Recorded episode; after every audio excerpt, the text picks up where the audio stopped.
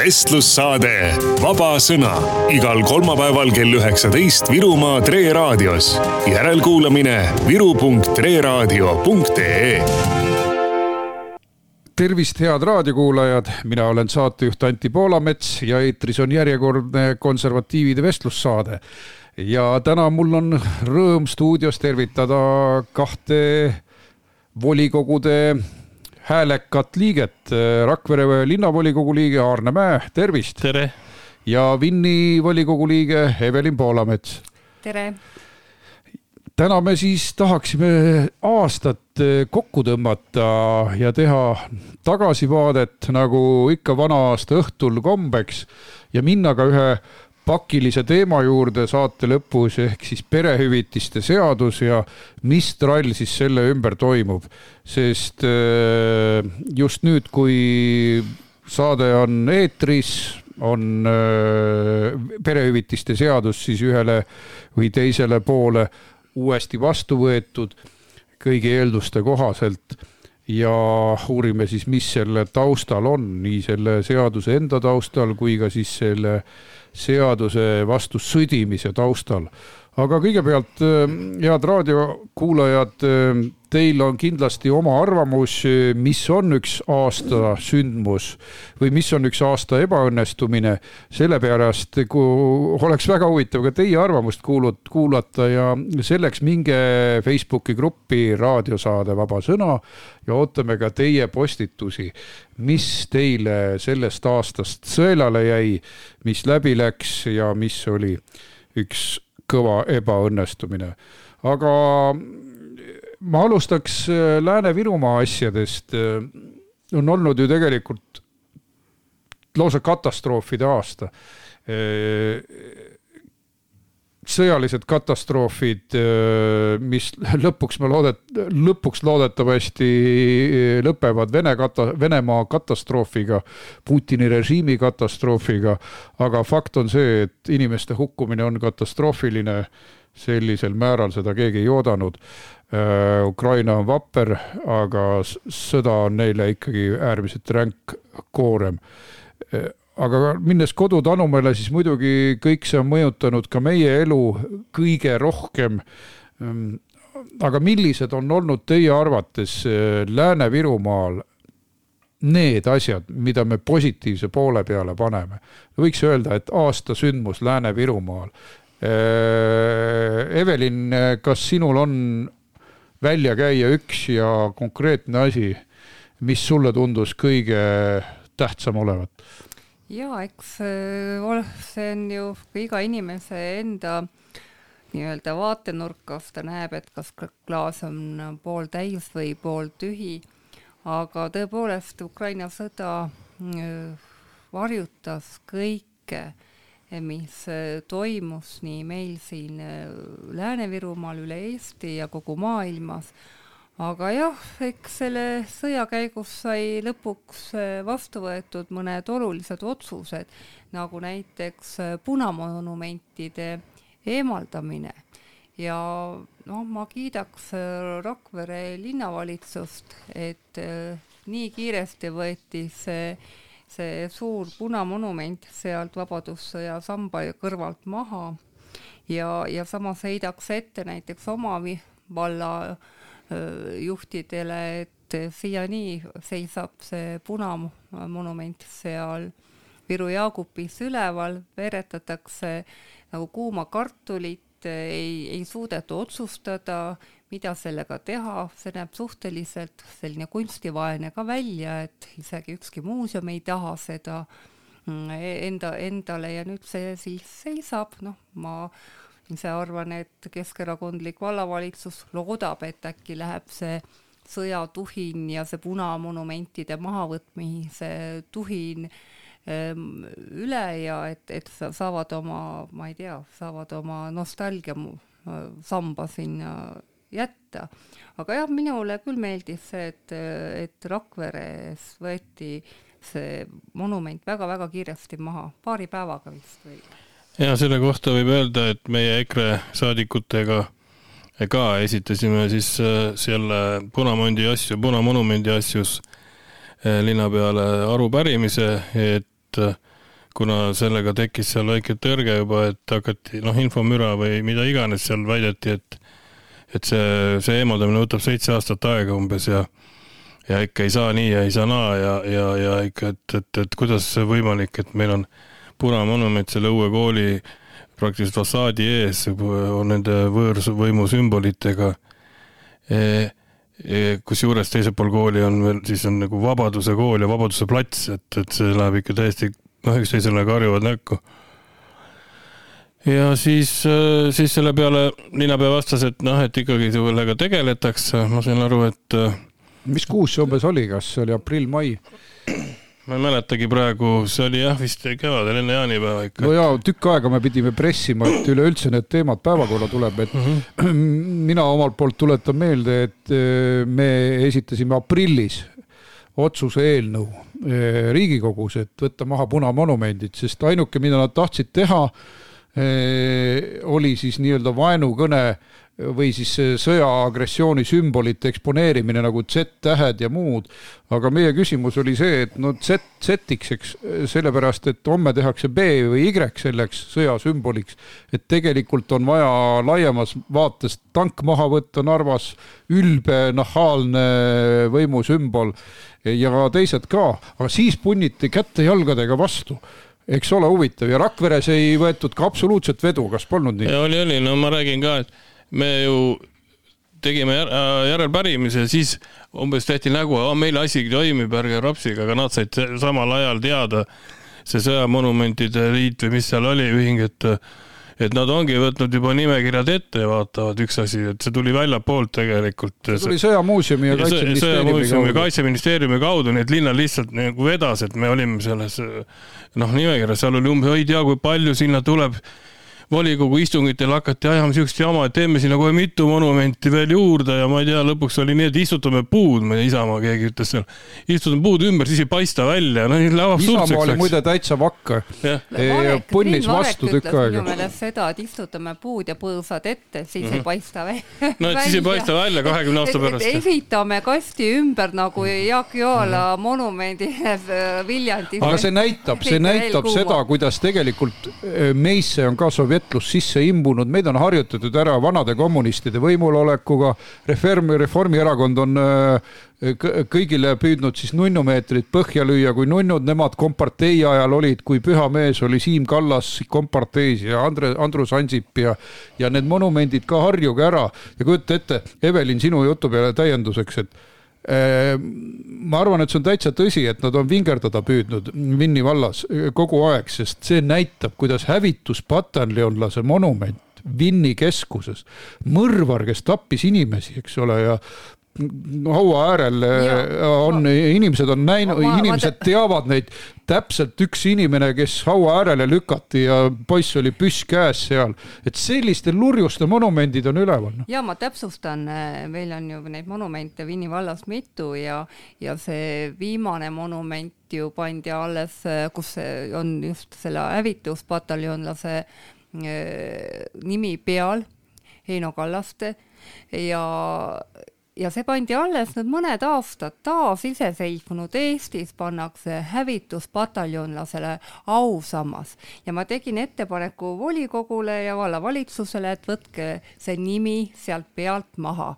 ja mis hakkas pihta, et ja et see ei ole valla otsustada, kuna see kivi paikneb Vinni valla, Vinni valla spordikompleksi territooriumil noh, see, et Vinni valla spordikompleksi omanik või siht, tähendab aktsiaselts Vinni spordikompleksi omanik on Vinni vald, see ei puutu nagu asjasse, aga see, et see kivi on nende territooriumil, nemad on äriühing, nemad ise otsustavad, mida nemad oma territooriumil hoiavad ja et me võime ainult ettepaneku teha. ja tuletan nüüd meelde, et äh, Vinni Eh, spordikompleksi eh, nõukogu esimees on eh, Kaido Höövelson, keskerakondlane ja, ja see minu ettepanek läks kindlasti kuhugi sahtli põhja. kivi seisab, hävituspataljoni, pataljonlasel on siis seda oreooli seal ümber, lapsed jalutavad igapäevaselt mööda no see lihtsalt on absurd. see on absurdne jah, ja ma ütlen, kas selleks pidi olema vaja neli tuhat tiibraketti Ukraina pihta, et meie omadel ka mõistus siis lõpuks pähe tuleks või? et see, vot see on see miinus, et kas selleks on vaja mingit täiesti vapustavat sündmust, et Nõukogude võimu taagast vabaneda? no vähemalt võib kiita, et nad Narvas selle tanki ära said viidud, mis siia Eesti poole oli toru suunanud, no sellest võib kiita. ega siin ei ole ju sellega, noh, mehi isegi see sõda ei aita ju, tegelikult ju kultuuriminister on siiamaani ju räägib, kuidas ikka tuleb ikka jätta need äh, stalinistlikud vapikujutised ja viisnurgad ikka alles ja see on meie osa meie ajaloost ja ja, ja me peame ikka kõiki neid asju mäletama, siin tulevad kunstiteadlased, räägivad Kalm ja kõik, et ärge puutuge, mis te tahate nüüd võtta selle, siis üldse kõik maha ja noh, jah, lõpuks Rakvere linnus, eks ole, võõrriigi, võõr, võõrjõu sümbol. kirikuid ka ju. ja kirikuid ja nii edasi, et asi läheb nii absurdseks, aga nüüd, et see Nõukogude seesama, noh, me räägime jälle sellest Rakvere näiteks monumendist. see võeti niimoodi maha, oi, me ei saa, see on ikka, läheb katki ja mis see kõik ja pandi ilusasti sinna äh, surnuaeda, kus ta koht on ja olgu seal ja mitte mingit probleemi ei olnud, võeti niimoodi vaikselt ära, keegi ei tulnud siia õiendama, lihtsalt need hirmud on nii üles krutitud seal pronksiööst või ma ei tea millest, et kui okay. teha asi korraga. aga muidugi ma, ma olen, olles äh, asja suhtes aus ja täpne, eh, siis tegelikult pronksiööd korraldasid Vene eriteenistused, nad panid sinna tohutut raha, ressurssi, inimesi, et seekord neil ei olnud aega siia vahele sekkuda, nii et oli momentum. jah, momentum oli õige ja seda kasutada millegipärast keegi nagu veel mõnel pool ei julge, aga meie Rakverel läks küll õnneks ja jumal tänatud, et see asi sealt keset linna ära on korjatud ja need ümber ka maetud, nii nagu kord ja kohus on. no aga mul on hea meel, et meil on ühes asjas päris äh, hea konsensus, kuigi me oleme niikuinii maailmavaateliselt äh, ühel joonel kõik. no jaa, aga see, see oli ikkagi, me võime ka enda selleks, et ikkagi meiega volikogus konkreetseks sammuks pidada. no eks nad arvestasid, et me hakkame kõva lärmi tegema ja see on no, ka opositsiooni roll, et lõpuks EKRE teeb igal pool nii kõva lärmi, et parem võtame ise maha ja kogub siis nende arvates punkte ja, aga äh, selle üle mul on hea meel, et need protsessid kiirenesid äh, väga kontsentreeritud ajaühikusse ja kestavad veel edasi. aga läheks siis vaataks õnnestumiste teemat, et mida, mida võiks siis poliitika aastast kokku võtta, mis on opositsioonil oleval erakonnal üldse öelda, eks, äh, õnnestumiste kohta. kas, kas me panime käima mõned asjad Eh, mida siis valitsus pidi arvestama ja meie, kas meie asjad läksid läbi? kuidas tunne on selle aasta peale? no vahest võib ju nimetada ka õnnestumisteks neid asju, mis ei juhtunud, et kas te kujutate ette, et meil oleks täna samasugune olukord nagu aasta tagasi, et meil on koroonapassid, meil on maskid, meil on sundvaktsineerimine, et, et nüüd on tegelikult õnnestumine see, et, et neid ei ole meil, pluss see, et, et on ka lõpuks tunnistatud seda viga, et need koroonapassid ei olnud õiguspärased, et nendega rikuti inimeste põhiõigusi. Ja minu meelest see on ka üks EKRE õnnestumine, et hakati selle teemaga tegelema. Ja, ja tõsi ta on äh, selle koha pealt, et meie alustasime õiguslikke vaidlusi.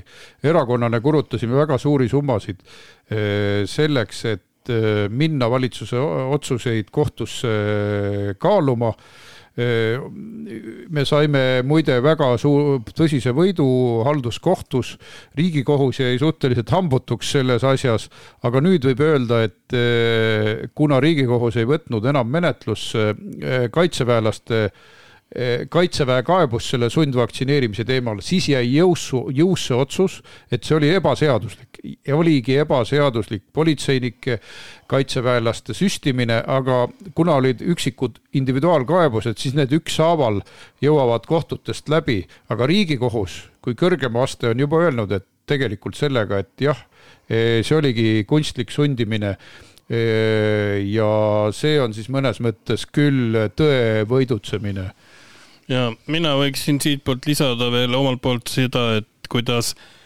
ma ei jõua nagu ära ja hämmelduda või imestuda, kuidas äh, tehakse näiteks EKRE poliitikud äh, alates esimehe, erakonna esimehest või aseesimehest võtavad mingisuguse asja, ütlevad selle välja ja milline sugune nagu neile meeldib öelda, hakkab selline nutulaul pihta siakisa, ütlevad, eks, hakkavad siakisa tegema meedia ja kõik ja, ja konkureerivad poliitikud ja siis tuleb välja, et et õigus on. Ja nüüd sellel aastal on tulnud mitu asja, kui sa küsid, mis sellel aastal nagu on sellist positiivset, aga ma võtaks isegi, et see ongi positiivne, et lõpuks inimesed saavad aru ja näevad, et see on õigus olnud, hakkame kasvõi põlevkivist, nüüd me läheme tagasi põlevkivi juurde meil räägitakse, kuidas oli seda õiendamist, kui Mart Helme ütles, et ähm, Saksa sõjaväes on kord käest ära, me ei saa, meil on vaja NATO plaan B-d. nüüd räägitakse täpselt sama juttu ja peavool ja kõik räägivad sellest kuni kaitseministrini välja. et äh, noh, ei saa suured äh, lääne ajalehed kõik kirjutavad sellest no,. Kui... Kaja Kallas, vabandust, Kaja Kallas ise ütles ju välja, et, et, et on vaja plaan B. siin on mitu, NATO sõjaplaanid on täiesti metsas, hakkame Saksa uut, sõjavägi, uut, uut plaani tegema. see Saksa sõjavägi on täiesti noh, jõuetu seal kohati mingisugustes elementides, just oli no, juttu haubitsatest. kõigis on, valdkondades äh, alarahastatud. ja, ja haubitsad, mis on siis töö, ei ole töökorras ja nii edasi äh, äh, siin oli veel mitu näidet, noh, seesama koroona näited, eks ole. Ehm, noh, ka mis puudutab ka neid rahuläbirääkimisi, kõik lääneriigid räägivad, meie suured liitlased räägivad nüüd, et näete, rahu läbirääkimisi peaks pidama, noh, siin võib olla erinevaid arvamusi, aga kui keegi avaldas näiteks EKRE liige või, või EKRE liider avaldab arvamust, siis on kohe ja muide no,, praegu avaldas Ukraina seda arvamust, et rahuläbirääkimised, kuigi minu seisukoht on ühene, et äh, kõik viimse äh, tükini tuleb Ukrainale tagasi anda, aga eks seda lõpuks otsustatakse ka lahinguväljal eh, ja seda tunnevad kõige paremini ukrainlased ise, et kas neil on piisavalt musklit, et välja suruda ka Krimmist eh, Vene väed ja ja see on eh, äärmiselt keeruline ja detailirohke.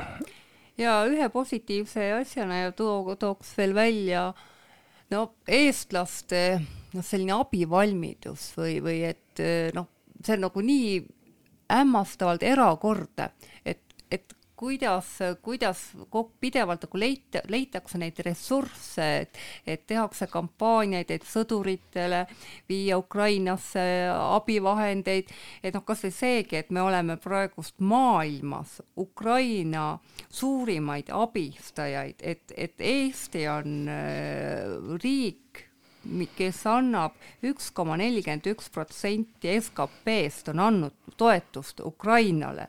et, et, et see on tükk, ütleme nii-öelda tühja maad ja siis tulevad alles teised, et noh, mõtled, toome näitena, et USA on andnud toetust ainult mingi null koma kakskümmend viis protsenti oma SKP-st.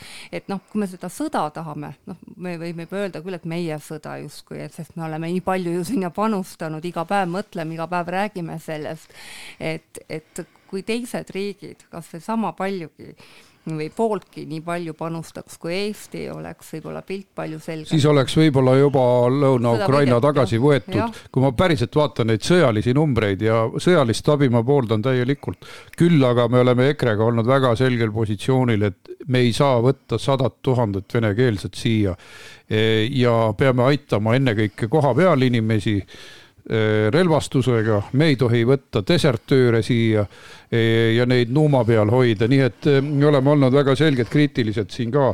eks see abistamine kahe teraga mõõk, et me jääme ise selle võrra siin ka vaesemaks, aga me peame arvestama, et me ikkagi loodame, et venelane noh, purustatakse, et me jah, tulevikus oleme ju ise siin löögi all muidu. ja et, et vot ongi, et siin on ju teine pool ka, et, et me ei ole üldse kontrollinud neid inimesi, kes on üle piiri siia tulnud, kas nad on desertöörid, kas nad on tõepoolest need emad kolme lapsega?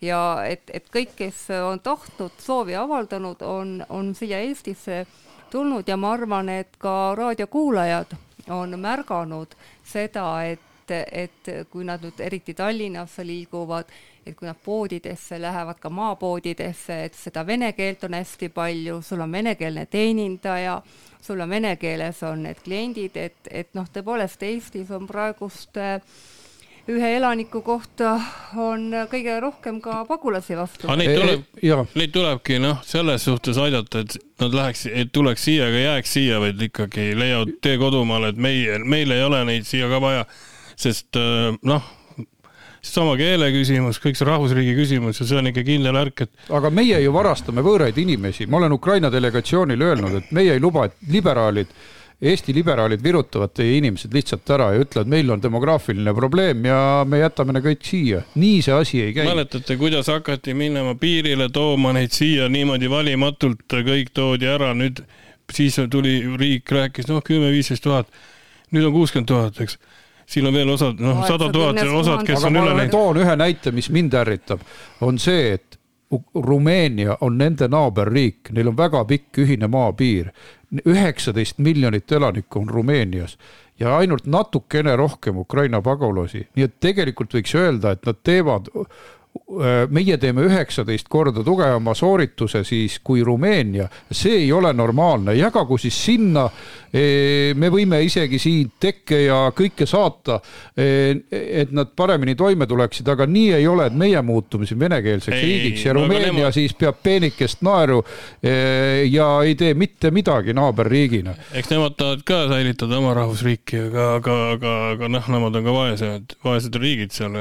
mind näiteks kui konkreetselt võtta, mis mõju on näiteks sõjal, ma just vaatasin üks päev meile siin ühes momendis, see on huvitav moment, see on just niisugune asi, et kui me räägime äh, iibest, siis äh, sõja, nüüd on üheksa kuud, sai novembris sõjast mööda algusest ja äh, Rakvere vallas ei sünd-, ei sündinud siis sõja alguse kuul, ei eostatud ühtegi last, ehk siis äh, novembris ei sündinud Rakvere vallas ühtegi last see oli otsene mõju. Eh, kogu maakonnas sündis kuskil kolmkümmend last eh, novembris, tegelikult keskmine on olnud seal viiskümmend neli, eh, jah, niimoodi nelikümmend kaheksa. ja kogu Hiiumaal näiteks sündis novembris neli last ja eelmisel kuul üks, aga kokku novembris kolm, umbes alla kolmesaja lapse sündis vähem Eestist, nii et kokku üle noh, kuus, eks ole. Nii et see on ikka otsene see mm, mõju, kus noored inimesed enam ei näe perspektiivi eh, sünnitada lapsi või luua peresid eh, või tulevikku näha, kui meid hirmutatakse, üks moment on veel, iga päev hirmutatakse peaministri tasemel. ma ei räägi Igor Mangist, eks. meil kaob see vool ära kohe mitmeks päevaks ja kaduski jah, aga nad ei tulnud toime ka sellega Saaremaal onju. ei, aga see ei olnud sõja pärast, sõjas saavad korda üks päev ja on miljon inimest jälle vooluga tagasi seal Ukrainas. aga meil ei saa tormist jagu noh. ei no aga põhiline on ikkagi veel noh, sõjahirm, ei koroonahirm, äh, sõjahirm, kliimahirm ja kusjuures see kliimahirm on veel hullem kui sõjahirm, nad ütlevad, planeet hävib, eks ole. ja kusjuures koroonahirm kadus ära, kui tuli sõjahirm on ju nüüd on mm. -hmm täpselt nii, täpselt nii, et. et üks hirm asendatakse teisega. ärme, ärme allu hirmudele, vaid eh, säilitame kaine pea, vaat eestlane ongi natuke rahulikum, ta on nagu üks tori hobune, kes on rahulik, kes ei ole selline kuum araabia täkk, kes kogu aeg jookseb edasi-tagasi, vaid me säilitame rahu sõja ajal, me säilitame rahu koroona ajal, ei hakka hullusi tegema ja säilitame rahu ka maailma lõpu ennustuste osas, mis puudutavad rohepööret. Aga mul on veel üks küsimus teile. ma tahaks teada ikkagi, mis on see aasta ämber teie arvates selles spektris? no üle-eestilises mõttes muidugi on meil ju võtta sealt ükshaaval neid riiuli pealt neid Reformierakondlasi ja sotse, et hakkame pihta sama sellest Rosimannusest, kus saadeti Eestit esindama mingisugune kahtlase taustaga poliitik, eks ole, suure skandaali saatel, mis lõpuks ikka kuidagi ära siluti. ja, ja nii edasi ja nii edasi, meil tuleb see Vene rahapesu värk, jälle üks asi, mis oli rahapesus, meil oli täiesti õigus, siin ikka ligi käib ja taob trummi, ikka tegi, lible tegi, lible tegi, eks ole. no täielik jura see Kaljulaid, eks ole, Raimond ja nii edasi. Evelin, mis sinule? seal tõepoolest Aarde ütles õigesti, et teid neid ämbreid tuli riburabda, et uued, noh juba inimese mälu on ka selline, kui kogu aeg tuleb uusi ämbreid peale, siis need esimesed ämbrid hakkavad meelest ära minema.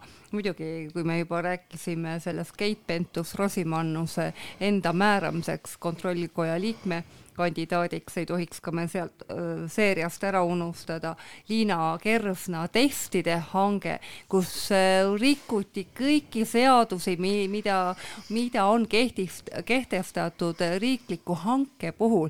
Ja prokuratuur leiab, et aga puudus kuriteo koosseis, et otsest kasusaajat ei olnud. no kuulge, vaadake, kes siis kasu sai, et, et ühe koma viie miljoni väärtuses teiste osteti seitsme miljoni eest, riiki lüpsti viie koma viie miljoni ka, no see on üks ämber, aga mida selle, noh, jah, et ämber.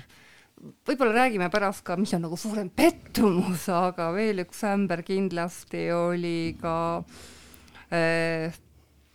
oli meil äh, ka see LNG terminal, et, et valge laev tuleb, me saame gaasi ja, ja lõpuks. paarkümmend miljonit maeti sinna ära, jah. jah, et, et kõik räägivad, oi, et kohe tuleb, aga seal oli ka mingi pet-, selline paras häma, et nüüd nagu ma saan aru, et ei olegi gaasiga probleeme, vähemalt see ta oli. ja siis tehti Soome, et Soome läks, üks asi oli see, eks ole. aga teine asi oli see, et siis see, mis valmis meil oli, siis oli, kuna Soome nõudis Eestilt raha ja. nagu, siis Eesti ütles Soomele, me ei, me ikka ja maksume minu, sinu, meie rahaga osteti, ostetakse või osteti see Eesti oma hoopis ära. nii, aga te tõite mitu näidet, noh, no pettumuseks on minule olnud igal juhul ka kõik see, mis elektrivaldkonna igasugust kompenseerimist puudutab, et mis teile jäi, mis teie tunne jäi, kas Eesti inimene sai abi või ei saanud? ei no see on jälle selline püksi püsimine, et alguses on soe, pärast hakkab külm, sest see raha tuleb ju kõik jälle meie enda taskust ja ja seesama viiskümmend euri, mis nüüd maksti, aga see valimised tuleb peale, see on kõik ainult seal enne valimisi populistlik asi, homme teeme kuni veebruarikuuni ja siis vaadake ise, kuidas saate. ja, ja isegi kui valitakse tagasi näiteks tänased juhid, vali- või need äh, valitsejad, siis ega siis enam ei anna sulle keegi seda raha, siis võite edasi külmetada, et siis ei ole, siis on neli aastat rahulikult külma käes olla. mis on veel huvitav, meil hakati see kokku hoidma, see on ikka nagu komöödia film onju superministeeriumil tõmmati juhtmed välja, kõik lodisesid seal, Aktuaalne Kaamera ja Marko Reikup ja kõik käivad ükshaaval filmimas, kuidas ametnikud külmetavad. noh, muidugi üheksateist kraadi minu jaoks, maainimesed ongi sellises võib-olla sageli sellises külmas, et või noh, temperatuuri käes, aga just see, et suur uhke maja, kolm-neli ministeeriumi sisse taotud ja siis kõik külmetavad seal ja siis tuleb see Sikkut, kes peaks selle kõige eest vastutama, siis sa teed veel mingit nalja seal oma pleediga umbes, et tšutšu-tšutšu onju, paneme sinna ja siis on veel sada kilovatti ka veel otsa, tead. Üks inimene, see on täiesti haige. ja siis ei lähegi kuud mööda, kuu aega läheb mööda, siis ütleb ei, keerame ikka tagasi temperatuuri, et meil hakkas nagu ikka nii külm, et ikka mõte ei jookse üldse enam ja selle külmaga ja siis me paneme ikka nüüd uuesti käima ja mis need arved olid ikkagi kõrgemad. sellega tervitan äh, superministeeriumi poolt kõiki maainimesi, kes elavad ka kaheksateist, seitsmeteist kraadistes soojustes ja elavad ära. ja mina mõtlen ka, et, et noh, kui me räägime sellest energiast, et see vist arvatavasti puudutab meid kõiki, et toodi ju välja, et kohe tuleb universaalteenus, et madaldame hindu, elu läheb heaks, et ja siis see, universaalteenus, tõepoolest inimesed ootasid, et see toob elektri hinna alla. et mulle isegi üks inimene kirjutas, ütles, et tal lõpeb kohe see elektripakett ära, et ta peab uue tegema, et kas ta nüüd teeb selle noh, mitmeks aastaks uue paketi või, või ootab ta seda universaalteenuse hinda ja mida siis see universaalteenuse hind tõi? üheksateist senti kilovatt-tunnist, mis tähendab seda nii öösel kui ka päeval, ehk siis esiteks ta ei, ei kuidagi noh, ei suuna inimest öösel rohkem elektrit kasutama, sest noh, kui me räägime energia kasutamise ajustatusest, et, et öösel rohkem kasutada ja tipptundidel vähem, siis, siis see on ju ka, oli ikkagi väga suur pettumus. pluss, millest ma ei saa nagu rääkimata jätta, oli minu jaoks suur pettumus meie president, noh, peale Kersti Kaljulaidi lootsid, et tuleb uus targem, noh, sest lott oli nii madal ja et noh, ei olnud võimalik, et, et tuleb veel hullem või, või aga noh, saime umbes samaväärse presidendi Alar Karise, kes on nagu Reformierakonna käpik, no täielik käpik. no mäletate veel, meil ei olnud praktiliselt kaks kuud suvel valitsust, meil olid pooled ministrid lahti lastud. no ma ei, ma ei tea, mis selle presidendi peas oli, kui talle tuuakse mingi seitsme palju neid ministreid oli, ühesõnaga tuuakse Keskerakonna ministrite vabastamise avaldused ja ta ei mõtlegi, et oot, et kui ma nüüd kõik need ministrid lahti teen, kes siis alles jääb? Ja siis meie nii-öelda sõjaprintsess saigi kaks kuud valitseda ja tunduski, et ongi normaalne no, ei olnud see normaalne, see oli põhiseadusest ülerullimine, aga see käib meil kogu aeg ja ilma sõnakõlksudeta, sest koroona apartheid seda oli. alles nüüd pikka aega hiljem hakkab kohus ka neid otsuseid tegema, inimesed on kannatanud aga kompensatsioon on umbes noh, mis nad pakkusid vist kolme kuu raha selle eest, et su karjäär ära rikuti, et sõjaväelane ei saa ju vahepeal mööblidistleriks hakata, onju. Politseinik ei oska ju kohe teisele erialale minna, nii et see oli ikka üks kohutav ämber sellel aastal ja jällegi süüdimatu valitsus, sellepärast et talle anti ette seda võimalust, et teeme teisiti. Äh, ehk äh, ja see ei olnud ainult EKRE, vaid maailmas oli näha, et äh, koroona nakatumisi see ära ei hoia, aga taheti kõvatada, taheti näidata musklit, oi, mina olen kange valitseja, mina lahet la,, teen eestlased kõik sikkudeks, lammasteks, lasen lahti. E, vaata, vahel on päris ohtlik selles mõttes, et osa tahavad, osad tahavad tõesti seda kõvataja kuvandit ja siis nad ei hakka ratsionaalseid otsuseid enam tegema, et ja, ja mina näen, et see oli väga-väga suur viga, sest meil peab säilima vaktsineerimisvabadus äh,. igaüks, kes peab vajalikuks, teeb seda, kes peab äh, mõistlikuks, et ta ei kasuta veel ohutusuuringuid lõpetamat-, ohutus, lõpetamata ohutusuuringutega aineid, see jäägu tema enda otsustada. meil on, nagu sa ütlesid, eestlane on sihuke rahulik ja tema ei kipu minema kuhugile meelt avaldama ja ja, ja, ja neelab alla kõik need asjad ja kui võtame nüüd, aga seda kasutataksegi ära ju, seda eestlase loomuomadust ja, ja ta läheb praegu Nursipalu üleval, eks ole, hea küll, aga võtame kasvõi sedasama elektri hinna asja. lükati elektri hind seal vahepeal nelja tuhande peale, kosmosesse ja siis tuleme alla kahesaja peale. ja siis on nagu okei okay., siis see kolm euri nagu või noh, kahekümne peale, eks ole. ja siis see kolm euri nagu on unustatud. oi, nüüd on äge ja siis me valime ikka seda Reformierakonda. ei, valime ikka vanu kommunisti, sest ja, nad on Anti, targad ja ilusad. Anti, sa rääkisid sellest vaktsineerimisvabadusest ja sellega seoses mulle ka jälle meenus ka suur pettumus oli ju kui meeleavaldus, mis oli vaktsineerimisvabaduse eh, heaks või, või, või kaitseks, siis sellelt meeleavalduselt tulnud inimestele noh, aeti kallale koerad, et nad tulid, tegelikult oli meeleavaldus, see oli aprillikuus, see oli ka selles aastas, et, et eh, inimesed tulid meeleavaldustelt, eh, tulid sealt mäest alla rahulikult ja siis tulid neile vastu eriüksuslased koertega. Ja, ja minul ei lähe mälust ära see pilt, kuidas üks inimene on pikali ja, ja eriüksuslase koer on tal seljas, no, no minu meelest ei ole midagi alandatavat, kui et koeraga inimesele kallale noh, ajada ta, ta ütleme rahulikule. see oli me, rahumeelne meeleavaldus, ta isegi, isegi ei olnud meeleavaldus, vaid inimesed läksid kui, koju lihtsalt. kui see meenutab mingit Tšiilit ja Pinocheti aega, aga võta kasvõi seesama, eh, mis toimus seal kohvikus eh, Kalamajas Elvis Braueri eh, kohvikus, kus ka võeti konkreetselt oma politseinik, Eesti politseinik võtab siis oma rahva vastu välja teleskoopnuia ja see tantsib siis inimese turja peal, kes ei olnud üldse asjasse puutuv. ma mõtlen, politseinikud olid siin kõrvaltegelased, et neile anti instruktsioon, et nüüd peab musklit näitama, aga ei olnud vaja seda musklit näidata tookord, see ongi see, et, et iga hinna eest väänata oma seda noh, tõestada, et oi kui kõva tegija sa oled, et, et. ja mida need inimesed valesti tegid, neil ei olnud äh, passi ja nad olid kohvikus, no mõelge nüüd, võimalik, et tõepoolest see hirm selle viiruse ja selle haiguse ja selle surma eest nagu ähmastabki mõistuse, et, et, et sa oled nõus kallale minema rahumeelsele inimesele sellepärast, et, et ta lihtsalt, tal on mingi süst tegemata, onju no see ongi konkreetne näide ju sellest absurdsusest, ongi lennukid ju noh, et kui sa oled lennujaamades, pead hoidma kaks meetrit vahet, enne kui lähed sinna kontrolli või siis piletisabasse või kohvrit ära andma. ja siis jõuad lennukisse, siis te olete kõik hunnikus seal, hakkate kõik sööma-jooma, kõigil maskid lendavad.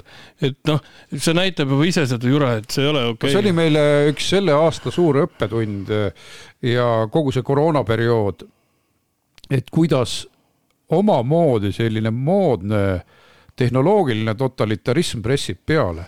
E, no muidugi see algas ammu varem, aga kuidas äkki tulid koodid, koodid, QR-koodid, igaüks, e, iga mingi teller, iga, iga noh, poemüüja, poemüüja või, või siis võis sinu terviseandmeid uurida, kes, kes, kus, mis, et tehti selline süsteem, kõike hõlmav välkkiirelt, et, et selline järelevalveühiskonna sümbol. ja seda Aardele veel lisaks üks näide et, et kui absurdne see, noh, täpselt samamoodi, et lennukis on kõik pead-jalad pidi koos hästi lähedal mitu tundi, et mul endal kogemustest, et lapsed käivad peale kooli muusikakoolis, aga ma pean neid vahepeal toitma, et neil on pikk päev kuni kuueni välja ja siis äh, lähedki kuhugi kohvikusse, et, et lapsed saaks ka see piruka või, või sellise saiakese võtta. Ja, ja oligi olukord, kus ma pidin esit-, noh, mul ei olnud äh, koroonapassi ette näidata, siis oligi nii, et, et lapsed sõid kuna nendelt ei olnud, nendel ei olnud nõutav see pass ja mina vaatasin kõrvalt ja, ja mu väike tütar vaatab mulle suurte silmadega otsa, et emme, et miks sina süüa ei tohi, et nagu see absurdsus, kus see, kus see viirus siis on, et kui mina olen seal, aga süüa ma ei tohi, sest, sest kui ma söön, siis kaotab see kohvikupidaja oma tegevusse loa, onju jah, ja saab mitukümmend tuhat eurot trahvi. aga jah, kokkuvõttes oleme me nüüd selles faasis, et tegelikult tuli alles hiljuti esimene kohtuotsus, kus öeldi, et jah, see oligi ebaseaduslik, et ja kui palju meil ajusid rulliti selle nimel, et kõikides kanalites. kõik asjad kokku võttes, siis tegelikult, mis häirib, on kõige hullem see, et meil on saatesarja Vaba Sõna, aga tegelikult ei toimu mingit debatti, kui keegi arvab valesti, nii-öelda teisiti, see on vale mõte, nii ei tohi mõelda, see tühistatakse, lülitatakse välja, ükstapuha, mis teema siis me siin võtame.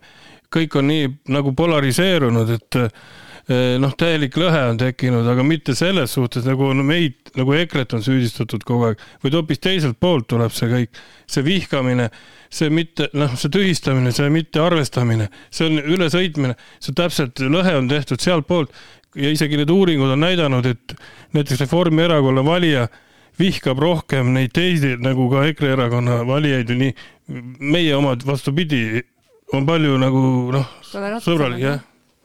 Ja nii on ja, ja kogu praegust Eesti avalikku ruumi ja ka Euroopas iseloomustab globalismi ja rahvusluse vastasseis. ja meie oleme umbes sama loosungi taga, nagu kunagi RSP tuli, et Eesti tuleb tagasi. mäletate üheksakümne teise aasta paiku? me tahame, et Eesti tagasi tuleks, mitte ei oleks mingi postkommunistide võim, kes nüüd otsivad uut peremeest, kõik need aastad otsivad kuskilt Brüsselist, otsivad maailma, maailma superpankurite silmadest tõde. meil on vaja võidelda oma riigi eest ja sellepärast me siin stuudios istumegi. aga mida riik teeb? me, meil ei lähe ainult äh, era- või need äh, ettevõtjad äh, pankrotti praegu. meil ei lähe mitte ainult suurfirmad või väikeärid meil lähevad juba vallad pankrotti, meil riik nõuab, aga me anname nüüd äh, lastekasvatajatele või õpetajatele palka juurde, aga vallal ei ole seda raha omavalitsusel, sest riik ei ole mõelnud edasi seda järgmist sammu. Aga Vallad... mina ütlen kokkuvõtteks, suurim ämber, mis meid tulevikus kõige rohkem ohustab, ongi see massiline vaesumine. Ja selle üldnimetaja on rohepööre, mida fanaatiliselt ellu viiakse, muidu energiahinnad ei tõuseks, ei tõuseks. see on CO2 tasud, mis meie energiahinnad lakku, lakke viisid. Ja enne aasta lõppu saime veel Hiobi sõnumi, et tuleb veel heitmetega kauplemise süsteem number kaks. no see on üks selline jube asi, mida me veel räägime, ehk see tuleb maanteetranspordile, see tuleb äh, majade kütmisele. lõpuks ahju kütmisele ma arvan, et see viiakse täieliku totalitarismini lõpuks välja. ei no kogu see eesmärk, kuidas noh, Brüsselis ja ka meie Kaja Kallase valitsus seda Eestit juhib, võib-olla see toi-, kehtib kogu, kogu Euroopa Liidu riikidele, et eesmärk on muuta inimesed hästi vaeseks ja sõltuvaks, selle tulemusena noh, vaatadki, mida nad on siis korda saatnud, saadavad nad ettevõtted pankrotti, kõike nad maksustavad, maksustavad nii toasooja kui ka mm, transpordi tulevikus ja siis tuleb veel taastuvenergia äh, tasud juurde, et, et, et kõik need on varjatud maksud ja kõik nad täidavad seda eesmärki, et me muutume iga päevaga järjest vaesemaks vestlussaade Vaba Sõna igal kolmapäeval kell üheksateist Virumaa Tre raadios. järelkuulamine viru.treraadio.ee ja head raadiokuulajad, läheme oma viimase teema juurde. stuudios on saatejuht Anti Poolamets, Vinni vallavolikogu liige Evelin Poolamets ja Rakvere volikogust Aarne Mäe, kes on teenekas ajakirjanik ja praegugi väga aktiivselt tegev Aarne, sa olid eh, täna Riigikogus tegutsemas. Eh, millised meeleolud praegu on seoses homme eh, toimuva istungiga perehüvitiste teemal?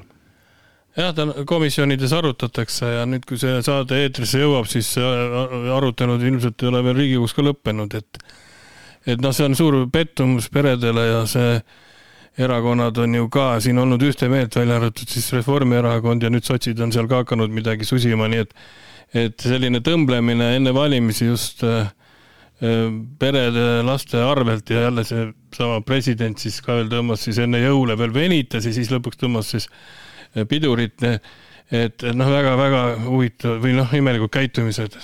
Me ei tohi unustada, et kuidas lagunes Kaja Kallase esimene valitsus see laguneski ju sellepärast, et, et ei jõutud nagu kokkuleppele selle pere, lastetoetuse ja perehüvitistega.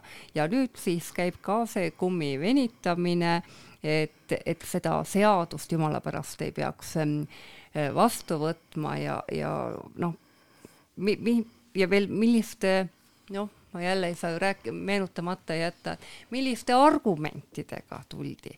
Kaja Kallas, ise on ta ema, hakkab rääkima sellist juttu, et ja et mis te arvate, et kui me anname lapse, tõstame lapse, lapse toetusi, ehk siis naine on nagu mingi sünnitusmasin, et paned raha sisse ja beebi vupsab välja, et ei, et, et need äh, lapsed sünnivad armastusest ja noh, ma ei, ei saa ka mainimata jätta, et vindi veel keeras põhja Siim Kallas, kes ütles, et et paljulapselised pered on nagu talibanliku mõtteviisi kandjad, et kus on äh, naised nagu lehm, lehmad, kes aastas toovad vasika. no saate aru, sellised inimesed on meil praegust valitsuses, kes viljelevad sellist mõtteviisi, et, et la-, et paljulapselised äh, pered ei vaja toetust ja üldse lapse saamine nagu ei tundugi olevat tervemõistuslik ja kaasaegne tänapäeval, et et see kõik äh, on noh, nii Eesti vaenulik, nii lastevaenulik ja, ja mis, mis mind jälle paneb hämmastama, on see, et leitaksegi, et, et ka meedia leiab, et oi, et ei saa ikkagi palju laps, lapselistele peredele raha juurde anda, et see on laste ebavõrdne kohtlemine. Ja inimesed on ka, minu meelest see on sovjetiaegne mõtlemine, et, et palju lapsi on halb. Et, et mida vähem lapsi, seda parem, siis saab naine tehases töötada, saab liini äär, ääres seal mingeid äh, rakette või, või ma ei tea, sõjapadruneid treida või, või saab kuskil kassas äh, mingile suurkorporatsioonile kasumit teenida. ja tõsi ta on, ehk siis mäletame, see ongi selle aasta tagasivaate puhul oluline, et kuidas see valitsus vahetus ja Reformierakond alustas obstruktsiooni iseenda valitsuse ajal, eks ole, tegi tohutult tuhandeid muudatusettepanekuid eh, sellele samale perehüvitiste teemale ja ja siin me nüüd oleme, et nüüd trikitatakse edasi, et sotsid tahavad korraks pilti saada ja e, muidugi ma olen nõus sellega, et paljudel oleks, paljudel on praegu raske, väga paljudel on raske. on üksikemadel raske, on ühe-kahe lapse eh, peredel raske. aga üldine retsept on väga lihtne, et viime hinnad alla ja teeme kõigil elu kergemaks, kõigil. E, vaatamata sellele, kas tal on tuletõrje kiiver peas, e, politseiniku müts peas või siis on ta pensionär või noor inimene, sest see hinnaralli rabab meid jalust. see elektri hinna tõus läheb kõikidesse toodetesse sisse. see on see kurja juur tegelikult, et ei, ei aitaks ka EKRE valitsus, kui, kui me noh, ei vii hindasid alla päriselt inimest, sest muidu igal pool on lärm, eks ole, anna mulle, omavalitsused ei saa hakkama, me peame viima elu mõistlikumaks ja odavamaks et siis aitab EKRE valitsus küll, kui me viime igasugused aktsiisid, käibemaksud alla ja see aitabki inimeste noh, elu lihtsalt normaliseerida. me peaksime rääkima üldse elu normaliseerimisest, mitte mingist ideaalist. et aga küll on ka see olnud ebanormaalne, et me viimase kolmekümne aasta jooksul praktiliselt ei ole oma iibega plussis olnud oleme elanud kogu aeg ebanormaalsuses ja meile on sugereeritud, et küll me toome kuskilt väljast sisse. ja no täna ma lugesin päris huvitav Eesti ajakirjanduse kohta huvitav artikkel, kus öeldi, et vaadakegi, et araablased ei olegi tööle hakanud Saksamaal, eks ole, kuigi sellest räägiti, et mingi sisseränne ei asenda Eesti inimesi ja meie iivet et ja, ja ka see, et kolmandast laste, lapsest kasvab see hüvitis järsemalt kõrgemaks noh, selle põhjus ongi see, et eh, stimuleerida kolmanda lapse saamist ja lõppude lõpuks, kuigi on eh, ühelapselistel vahel ka päris hull lugu, siis peaks mõtlema sellele, et et ka noh ne,, ne, need juba eakamad inimesed võib-olla, kes mõtlevad, milleks see, siis nende lapselapsed võiksid ju ka kolmanda lapse peale mõelda. ehk siis kasvõi sellel pensionäril peaks süda soojaks minema mõtte juures, et äkki mul on kolm lapselast. ja igal juhul see perehüvitis annab naisele vabaduse otsustada, et kas ma tahan koju jääda ja, ja, lapsi kasvatada või siis kuhugi tööle minna, et, et meil ju alati luuakse nagu võrdusmärk, et kui naine läheb tööle, siis naine saab ennast teostada. paraku, kallid inimesed, naistel on väga palju selliseid töökohti, mis ei võimalda tal enese teostusega tegeleda, enamasti naised töötavadki odavamatel töökohtadel, on nad siis hooldajad, on nad kassapidajad, liinitöötajad, kori-, koristajad et, et see ei ole see unistus, mida ka siin äh, Signe Riisalo räägib, et, et oi, et nüüd on vaja mm, seda soolist võrdõiguslikkust igal pool ajada ja, ja ja nai-, ja kaotada kõik need mm, erisused ära et naistel peab jääma vabadus ka lapsi kasvatada, kui nad soovivad. valikuvõimalus tegelikult, et loomulikult minna tööle, kuhu ta tahab, aga ka soovi korral jääda koju oma kolme-nelja lapsega. jah, et lapsed ei pea tähendama vaesusriski Aarne, kuidas sulle praegu tundub äh, perehüvitiste seaduse osas, mulle tundub, et see ikkagi läheb läbi. Äh, ja vähemalt osa inimestest aidatakse ka nüüd selle vaesusriski korral ja suurtel peredel on see risk kindlasti suurem.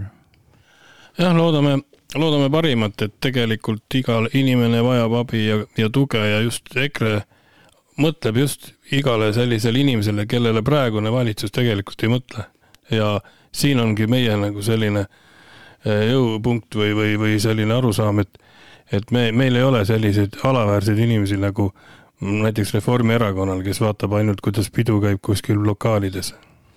ja eh, mida võib veel öelda, on see, et praegu ju tõusevad, tõusevad nende perehüvitistega ka ühe ja kahelapseliste Eh, perede toetused. ja üksikemade toetused samuti. ja üksikemade toetused, et need on kõik hädavajalikud, eh, ehk siis äh, isegi kui see ei ole mõnede meelest ideaalne seadus, siis ta on väga ajakohane seadus, et abi on vaja selles tohutus inflatsioonikeerises ja kõigepealt saavad tegelikult kannatada lapsed loomulikult pensionärid.